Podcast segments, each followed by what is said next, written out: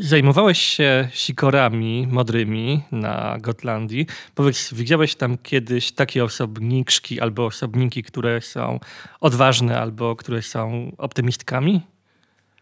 Yy, nie lubię takich e, antropomorfizujących określeń, ale no, na pewno osobniki się różnią między sobą tym, e, jak bardzo eksplorują na przykład otoczenie, albo jak się zachowują wobec e, nas jako badaczy. I dzisiaj porozmawiamy właśnie o osobowościach u zwierząt. Witamy Państwa w drugim odcinku naszego podcastu o biologii ewolucyjnej. Witam się z Państwem Łukasz Kwiatek, studiuje też Szymon Drobniak, biolog ewolucyjny z Uniwersytetu Jagiellońskiego i Uniwersytetu Nowej Południowej Walii w Sydney. E, Szymon, tematem tego odcinka są osobowości u zwierząt. Ja e, jakiś czas temu natknąłem się na taki artykuł, w którym badacze zadali pytanie, czy mysz może być optymistką. E, no, gdy, jeśli ktoś nie spotkał się wcześniej z określeniem osobowość zwierzęcia, to pewnie mógłby być dość zaskoczony tego typu nagłówkiem e, w tekście naukowym. E, powiedz w ogóle, skąd się wzięło określenie osobowości u zwierząt i co wy biologzy ewolucyjni prześnie rozumiecie i też czy ty lubisz, no mówiłeś już, że nie lubisz antropomorfizowania, ale, ale wyjaśnij, czy e, to podejście, które opiera się na mówieniu o osobowościach u zwierząt jest jakoś bliskie? No zacznijmy od tego, że to, że użyto tego określenia osobowość do opisywania tych zjawisk, o których będziemy dzisiaj mówić, to jest raczej no, mało korzystny zbieg okoliczności, bo siłą rzeczy narzuca pewne postrzeganie tego w kategoriach ludzkich cech osobowości. Natomiast no, teoretycznie nie powinniśmy przypisywać w ogóle takich y, właściwości jak optymizm, czy odwaga, czy nieśmiałość zwierzętom, bo pod pojęciem osobowości my rozumiemy biologii ewolucyjnej coś bardzo konkretnego, to znaczy e, zacznijmy od tego, że osobowości zwierząt nie da się określić bez y, zbadania danego osobnika kilka razy, y, co jest y, też źródłem wielu nieporozumień również w, wśród biologów ewolucyjnych, bo obecnie bardzo często mm, pisząc o zachowaniu biolodzy ewolucyjni określają pewne rzeczy jako cechy osobowości, mimo tego, że formalnie nie stosują metod, które ta powiedzmy gałąź biologii ewolucyjnej wypracowała, bo na przykład starają się opisać jako cechy osobowości zwierząt zachowania, które są zaobserwowane w jakiś tam anegdotycznym, anegdotyczny sposób, tylko raz. Nie wiem, widzimy, że na przykład dane zwierzę zachowuje się bardzo śmiele albo jakoś, nie wiem, bardziej niż inne osobniki eksploruje otoczenie, no więc określamy jako osobnika o osobowości um, odważnej albo. Odważnej albo eksplorującej. Mhm. Natomiast y, podstawowy problem jest taki, że osobowość ma ścisłą definicję i może zacznijmy od tej definicji. Generalnie e, osobowość to jest e, miara tego, jak powtarzalne jest zachowanie zwierzęcia. Czyli innymi słowy mówiąc, e, ona mówi nam tak naprawdę tyle, jaka część e, tej zmienności, która istnieje w zachowaniach zwierzęcia, które robi bardzo, różnych, bardzo wiele różnych rzeczy na przestrzeni swojego życia, jaka część tej zmienności jest powtarzalna, e, a jaka nie. I de facto celem tych wszystkich badań jest tak naprawdę takie, można by powiedzieć, rozdzielenie zmienności w zachowaniu, którą my obserwujemy, na te komponenty, które my nazywamy przypadkowymi albo błędem, ale chociaż określenie błąd to też jest takie dosyć e, e, formalne określenie, które w biologii nie oznacza niczego złego, tylko raczej oznacza po prostu zmienność, której my nie jesteśmy w stanie wyjaśnić, oraz tą zmienność, która jest powtarzalna, czyli dany osobnik w powtarzalny sposób w danej sytuacji zachowuje się tak i tak. No i ponieważ najczęściej te, jakby komponenty tego zachowania potrafimy w jakiś sposób powiązać z tym, jak zachowuje się człowiek, no to nadajemy im takie właśnie nazwy jak, e, tak, mhm. jak e, odważność, eksploracyjność, nieśmiałość, agresywność i tak dalej. Chociaż tak naprawdę e, to, jak my to nazwiemy, jest bardzo subiektywne. Są pewne takie utarte schematy, to znaczy E, na przykład ta taka oś zachowań e, pomiędzy odważnością a nieśmiałością, no to faktycznie jest dosyć mocno e, już e, rozpracowana w biologii ewolucyjnej do tego stopnia, że mamy wiele standardowych testów behawioralnych, które e, badają takie, takie, taki rodzaj zachowań i faktycznie to tak zwane boldness, shyness spektrum pojawia się w publikacjach naukowych bardzo często. Natomiast wszystkie inne takie powiedzmy bardziej niszowe typu optymizm na przykład, E, czy pesymizm, no to są na tyle trudno uchwytne, yy, trudno uchwytne cechy, że nie zaryzykowałbym używania tego typu określeń, zwłaszcza, że tak naprawdę, no, mówiąc optymizm, zakładamy, że między jakiegoś rodzaju reakcjami fizjologicznymi człowieka i na przykład myszy jest jakaś korespondencja jeden do jeden. Czyli, że mysz optymistyczna będzie w podobny sposób reagowała na bodźce, które u człowieka wywołują reakcje optymistyczne. Co oczywiście jest y, bardzo daleko posuniętym uproszczeniem. E, więc ja y, w naszych badaniach, y, na przykład na Gotlandii, my zajmujemy się osobowością. To znaczy, najczęściej nasze badania są trochę ograniczone tym, że prowadzimy je w terenie, więc nie jesteśmy w stanie wykonywać zbyt e, wyrafinowanych testów behawioralnych więc rzeczy, które my badamy, najczęściej mieszczą się na tym takim spektrum właśnie śmiałość e, versus nieśmiałość, bo jesteśmy w stanie zaprojektować takie testy, które rok po roku jesteśmy w stanie zaaplikować tym ptakom i faktycznie zmierzyć coś, co umieszcza je gdzieś na tym, na tym spektrum.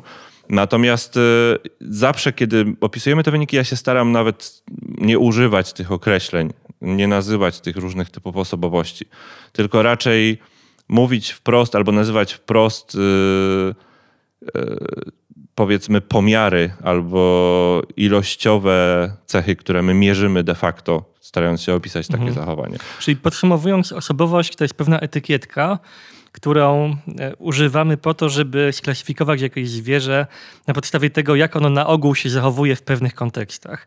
E, a powiedz, w jaki sposób mierzy się na przykład tę osobowość e, śmiałą czy odważną? Jak wyglądają te testy, które pozwalają ilościowo no, ocenić, że to zwierzę różni się pod kątem tego, co biolodzy nazywają osobowością od innego zwierzęcia? No, bo, no znowu jakby wracamy tutaj do tego y, problemu, że to są dwie, dwiema różnymi rzeczami jest zmierzenie zachowania i zmierzenie osobowości. To znaczy, no załóżmy, że mm, stosujemy test neofobii, który jest takim bardzo popularnym testem behawioralnym y, określającym śmiałość osobnika. Y, bardzo różny sposób się go przeprowadza, ale idea jest taka, że w bezpośrednim otoczeniu osobnika umieszcza się jakiś obiekt, który jest po prostu nowy i najlepiej, żeby to był obiekt, który jest totalnie wyjęty z jakiegokolwiek kontekstu takiego ekologicznego, w którym dany osobnik mógłby się pojawić. Czyli nie może to być na przykład, y, nie wiem, Patyk, drapieżnik. Mhm. ponieważ to będzie wyzwalało też reakcje mhm. innego rodzaju, tylko na przykład, nie wiem, na Gotlandii często stosowaliśmy dmuchaną różową krowę, bo generalnie to jest coś, co w lesie y, strefy umiarkowanej się raczej nie pojawia, y, tego typu obiekt. No i obserwujemy, jak ptaki, które w pobliżu gniazda danego danej pary lęgowej umieszczamy taką krowę różową, no i obserwujemy najczęściej za pomocą nagrania, jak się one zachowują. E, zawsze trzeba wtedy sobie spróbować zdefiniować jakieś miary, które będą określały to zachowanie, czyli na przykład ilość podlotów e, do tego obiektu albo e, średni dystans, w jakim ptak się zatrzymuje na pobliskich gałęziach, badając ten obiekt. No, bardzo dużo różnych miar można tutaj wyróżnić, więc jest to też o tyle problematyczne, że najczęściej zbieramy wiele różnych parametrów i musimy je jakoś złączyć w jeden, w jeden pomiar, który będzie określał, jak bardzo dany osobnik jest śmiały w eksplorowaniu tego nowego obiektu. No i tak naprawdę na tym kończy się etap zmierzenia samego zachowania. Natomiast teraz, jeżeli rok po roku zrobimy dokładnie to samo i dokładnie tego samego osobnika zmierzymy w ten sam sposób, E, i zmierzymy to, zrobimy to dla bardzo wielu osobników w populacji, no to teraz jesteśmy w stanie, e, wiedząc jak one się między sobą różnią, e, oddzielić tą powiedzmy zmienność w tym zachowaniu, która jest totalnie dla nas niewyjaśnialna, od tej, która stricte wynika z różnic między osobnikami. Czyli no zakładamy, że jest, u jej podstaw leży jakaś genetyka najprawdopodobniej, albo inne procesy, które powodują, że to zachowanie się powtarza u danego osobnika. No i to, jak, bar, jak dużo jest tej zmienności wyjaśnialnej w stosunku do tej niewyjaśnialnej, no to jest właściwie miara tego, jak e, miara tej osobowości, powiedzmy. Więc jesteśmy w stanie z takiej analizy wyznaczyć pewien e, taki abstrakcyjny swego rodzaju e, parametr, który liczbowo gdzieś na takiej bezjednostkowej zupełnie skali umieszcza dane zwierzę, jako mniej lub bardziej śmiałe. Mhm. A powiedz mi, jak wiele wnoszą tego typu badania do biologii ewolucyjnej? Co one nam dają, e, jak one dopełniają ten obraz danej populacji czy danego gatunku, jaki mieliśmy? Znaczy, to, to są bardzo ciekawe cechy, bo cechy yy, zachowania generalnie mają to do siebie, że są labilne. W przeciwieństwie do, do cech takich jak wielkość ciała, w momencie kiedy ptak urośnie, no to już nie zmieni swojej wielkości ciała. Więc nawet jeżeli warunki środowiska się zmienią tak, że ta, ta, jego wielkość ciała już nie jest optymalna, no to on z tym nic nie zrobi. Natomiast zachowanie ma to do siebie, że jest, jest bardzo elastyczne. Mhm. Ja bym unikał określenia plastyczne, mhm. raczej labilne. No i teraz ono może być plastyczne, jeżeli reaguje na konkretne cechy środowiska. E, może być totalnie przypadkowe, to znaczy zmieniać się w sposób, którego nie rozumiemy, nie znamy czynnika, który na to wpływa, ale generalnie to jest cecha, którą ptak może dosyć dużym zakresie modulować. E, no i to jest tak naprawdę dlaczego, to, to jest tak naprawdę powód, dla którego się bada osobowość, bo właśnie to jest cecha, która niejako w każdym kolejnym sezonie rozrodczym może na nowo y, ulec ekspresji w nieco inny sposób. No i właśnie plastyczność fenotypowa y, osobowości to jest obecnie jeden z takich większych trendów ewolucyjnych, no bo wiemy, że wiele z tych zachowań osobowościowych ma konkretne przełożenie na sukces osobnika. No to, czy osobnik jest odważny, bo na przykład jak widzi krogulca, to się nie chowa, no to może mieć dosyć e, konkretne przełożenie na jego szansę przeżycia do kolejnego sezonu rozrodczego. No i teraz, jeżeli ta cecha będzie zależała również od jakichś warunków środowiskowych, no to bardzo łatwo możemy tutaj e, wyobrazić sobie, że środowisko będzie po prostu realnie wpływało na ewolucję takiej cechy e, w jednym lub w drugim kierunku. Obecnie tych badań ciągle jest na tyle mało, e, że trudno jeszcze widzieć tutaj jakieś takie ogólne wzorce, na przykład, nie wiem, odpowiedź tych cech osobowości na zmiany klimatu. Jakby taki boom na badania osobowości zaczął się powiedzmy mniej więcej w latach 2012-15. To był taki początek, kiedy zaczęto formalnie definiować tą osobowość i też pojawiły się metody obliczeniowe, które pozwoliły na dużą skalę takie rzeczy y, badać. Wcześniej y, raczej się nie zastanawiano nad tego typu e, wzorcami, albo było to takie bardzo niszowe. No, ale tak czy siak, to jest y, powiedzmy 10, 7-10 lat, więc to jest bardzo młoda dziedzina. Tych danych nie jest dużo. Trudno jest zrobić na przykład metaanalizy mm, na tego typu e, pracach. No i też one mają ogromne ograniczenie polegające na tym, że jednak trzeba y, konkretne osobniki zmierzyć kilka razy. W laboratorium jest to bardzo proste.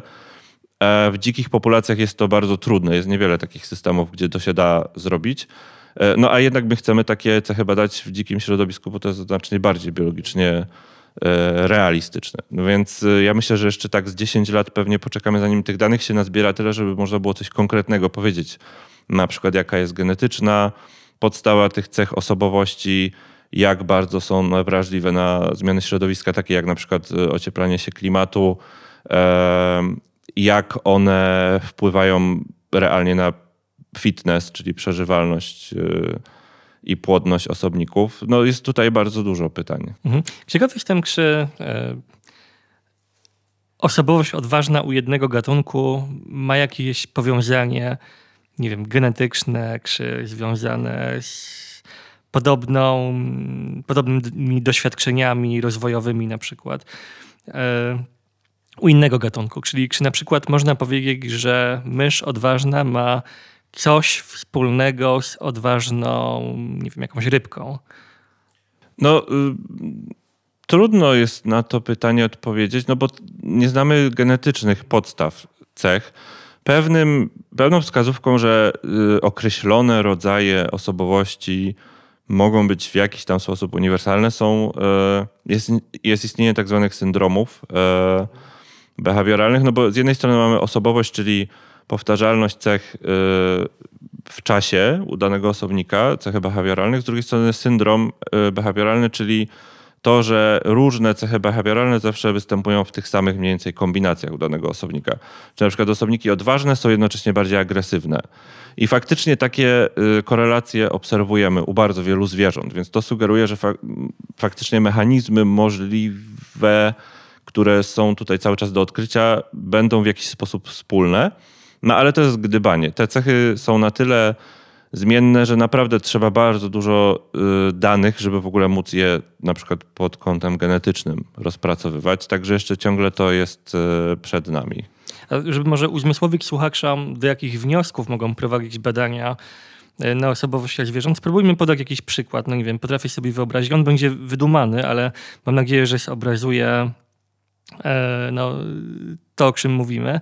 E, potrafię sobie wyobrazić, że w jakimś gatunku osobniki, które są odważne, to mówiłeś o jakimś ptaku, tak, który się boi drapieżników, albo się nie boi drapieżników. Te, które są odważne, generalnie e, mają krócej żyją, ale ponieważ są bardziej E, skłonne do wchodzenia w konflikty z innymi osobnikami, mogą na przykład spłodzić więcej dzieci.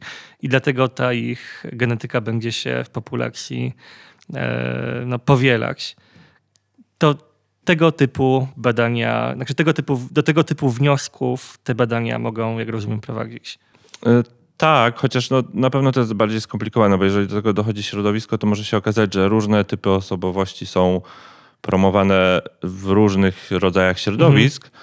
co między innymi może odpowiadać za to, że mamy ich tak dużo. To znaczy, że populacje nie składają się tylko z odważnych osobników albo tylko nieśmiałych, tylko że faktycznie jest tam ciągle ta zmienność, która w jakiś sposób jest ciągle zachowywana, mimo tego, że e, konkretne typy osobowości są mniej lub bardziej. Udane z powiedzmy ewolucyjnego punktu widzenia. Rozumiem, że można jednemu i temu samemu zwierzęciu przypisać różne typy osobowości na różnych skalach. Ty mówisz o tej skali od odważnego osobnika do takiego bardzo nieśmiałego. Rozumiem, że nie ma problemu w tym, żeby jednemu tego samego osobnika zbadać na skali eksploracji, czy jest bardziej skłonny do eksplorowania, czy mniej skłonny, albo optymizmu, ale do tego jeszcze wrócimy.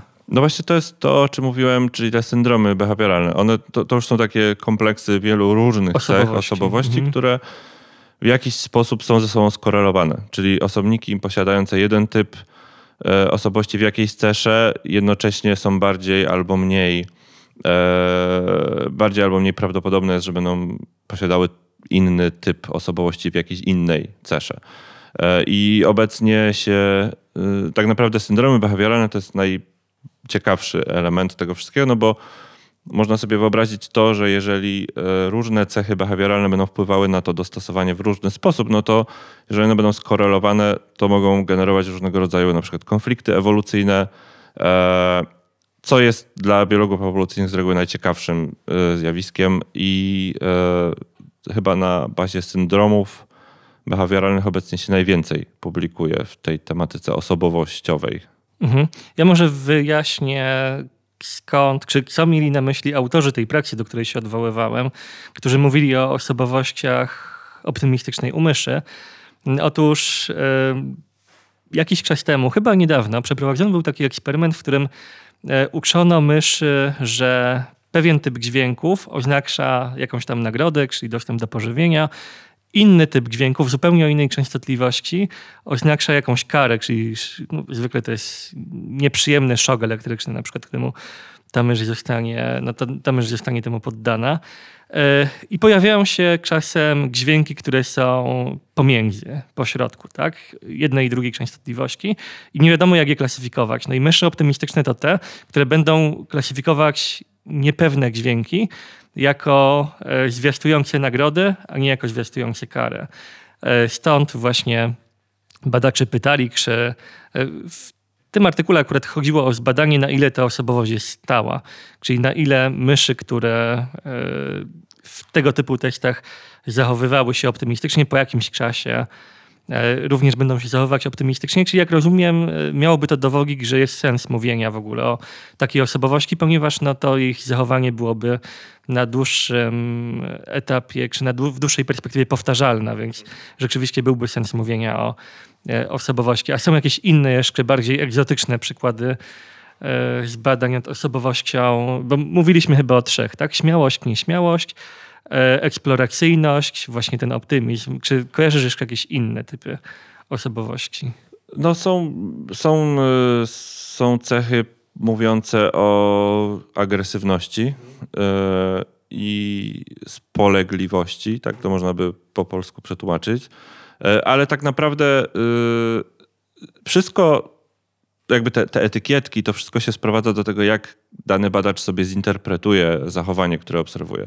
Dlatego też ja raczej staram się nie myśleć o tym w tych kategoriach, tylko nazywać te zachowania po imieniu. No na przykład eksploracyjność to jest dla mnie bardzo ściśle określona cecha, bo jestem sobie w stanie wyobrazić, jak ją zmierzyć. Natomiast na przykład y, optymizm, no to powiedziałbym, no miałbym problem, żeby określić, jak to zachowanie mierzyć, bo na przykład ten test, y, który zastosowano w przypadku tych myszy, y, no można by sobie, y, można by sobie go, znaczy my go interpretujemy w ten sposób. Pytanie, czy y, w głowie myszy to nie jest jakby zupełnie inny proces. To znaczy coś, co ma znacznie prostsze fizjologicznie podstawy niż optymizm, który... No może to jest złe słowa po prostu, ale, no, ale tak. jeżeli powtarzamy to samo zachowanie, no to jakaś różnica istnieje, którą jakoś powinniśmy no więc. Ta, to jest tak naprawdę takie kontrowersyjne, e, kontrowersyjny problem, czy powinniśmy tego typu etykietki nadawać, e, tego typu cechą. Największy problem się pojawia wtedy, kiedy później ktoś próbuje te badania wszystkie syntetyzować, bo czasami, jeżeli badacze uprawiają taką wolą amerykankę w nazywaniu tego typu cech, to bardzo trudno jest znaleźć yy, i porównać ze sobą prace, które powinny dotyczyć tego samego, ale badacze wymyślają różnego rodzaju yy, swoje własne yy, określenia na, na typy zachowań. Ja zastanawiam się, na ile tutaj e, roli nie odgrywa trochę moje środowisko, to które reprezentuję, czyli popularyzatorów czy dziennikarzy naukowych, bo no, gdy przegląda się czasopisma naukowe, no to tego typu artykuł wpada w oko. Tak, o, mysz może być optymistką, fantastyczny temat. E, więc zastanawiam się, na ile no, skłonność do bycia zauważonym, czy jakaś pragnienie bycia e, zauważonym nie tylko przez media, ale też przez innych badaczy, cytowalność i tak dalej, tutaj nie odgrywa roli, jakby nie napędza e, powstawania kolejnych osobowości. No, do pewnego stopnia tak, chociaż to się bardzo różni w praktyce między różnymi czasopismami. Są takie, które wręcz mają strictą, stricte politykę anty, że tak powiem, anty-hype więc, y, ale tak, na pewno jest to bardzo chwytliwe, no i ułatwia promowanie takich badań. No a to, że doprowadza do nieporozumień, no to już jest trochę inna. Ale zawsze na e, początku artykułu autorzy wyjaśniają, co tak. rozumieją przez osobowość. Ja, ja bardzo lubię po, streszczenia popularno-naukowe, które się pojawiają w coraz większej liczbie czasopism, bo one są właśnie miejscem, gdzie powinno się takie rzeczy, e, takie rzeczy mówić. Mhm. A powiedz mi, na ile te badania osobowości zwierząt mają związek z czymś, co w biologii ewolucyjnej było obecne od dawna, bo gdy przypominam sobie, jak czytałem na przykład książki Richarda Dawkinsa, on mówił o tym, jak to do biologii ewolucyjnej weszła teoria gier. I o tym, że tam badało się te strategie gołębia, strategie jastrzębia, E, jak e,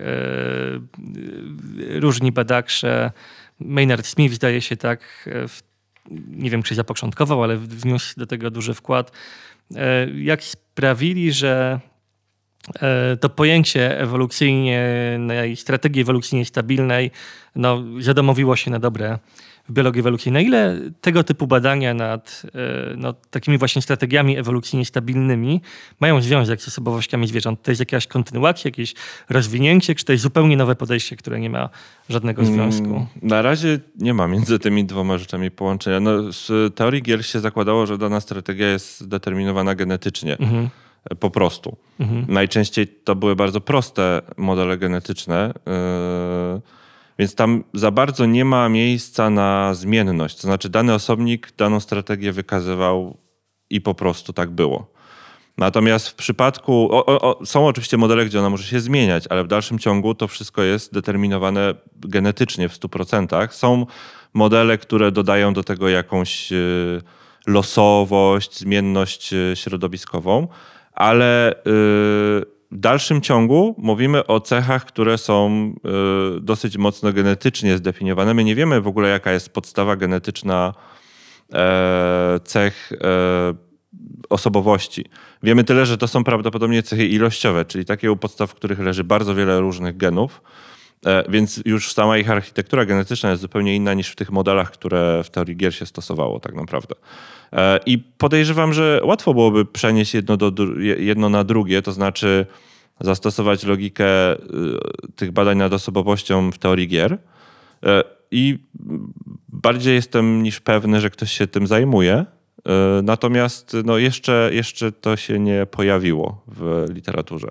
Mhm. Jest to takie dość naturalne rozwinięcie, bym powiedział, e, tego wszystkiego. Natomiast pytanie, czy te modele teorii łatwo się będzie dało rozszerzyć na takie cechy, no bo tak jak mówię, to są cechy ilościowe. Je się zupełnie inaczej opisuje niż takie cechy jedno albo kilkugenowe, które mają bardzo ściśle określone allele, allel, nie wiem, altruistyczny, egoistyczny. W cechach ilościowych e, pojawia się dużo takich niuansów matematycznych, które utrudniają ich opis. Z tego powodu, że może za nie odpowiadać wiele różnych genów, jak rozumiem, tak? Tak, a dwa no... I nie tylko genów. Tak, i środowisko mhm. do stopnia, którego nie jesteśmy w sumie w stanie do końca zbadać. Mhm. E, uderzające jest to, jeżeli ktoś e, pierwszy raz się styka z pojęciem osobowości u zwierząt, do jakiego szerokiego grona organizmów to pojęcie może być stosowane, bo mówiliśmy tutaj o myszach, no u małp to pewnie mało osób by się zdziwiło, gdyby przeczytało osobowości u szympansa, no ale mamy też badania nad osobowościami u ryb, nad osobowościami u owadów. E, no właśnie tutaj się jakby trochę wracamy do tego problemu, że mm, dziwi nas to o tyle, że to się tak, a nie inaczej nazywa. Bo jak zaczniemy to nazywać po prostu powtarzalnymi, e, powtarzalną zmiennością w zachowaniu, no to już to traci taki trochę e, rys antropomorficzny i wtedy o wiele łatwiej jest nam zastosować coś takiego do na przykład świerszcza. Ale trudniej o tym mówić wtedy. Tak, no i myślę, że dlatego to się zadomowiło. To pojęcie osobowości e, jest na tyle już wpisane w biologię ewolucyjną, że nie widzę, żeby ono w jakikolwiek sposób zostało wyeliminowane, więc teraz trzeba raczej dbać o to, żeby było ono poprawnie stosowane, czyli tylko tam, gdzie faktycznie badano osobowość w tym rozumieniu. Czyli twoim zdaniem generalnie jest to raczej dobra metafora? Yy, no, Czy to w ogóle jest metafora? Chyba metafora. Znaczy, to nie jest metafora, no bo yy, to jest raczej yy, za, zagrabienie jakiegoś słowa, które w sumie miało inny trochę ładunek znaczeniowy, żeby nazwać coś e, zupełnie innego, bardzo ścisłego. Som, słowo osobowość nam się kojarzy raczej z czymś takim płynnym.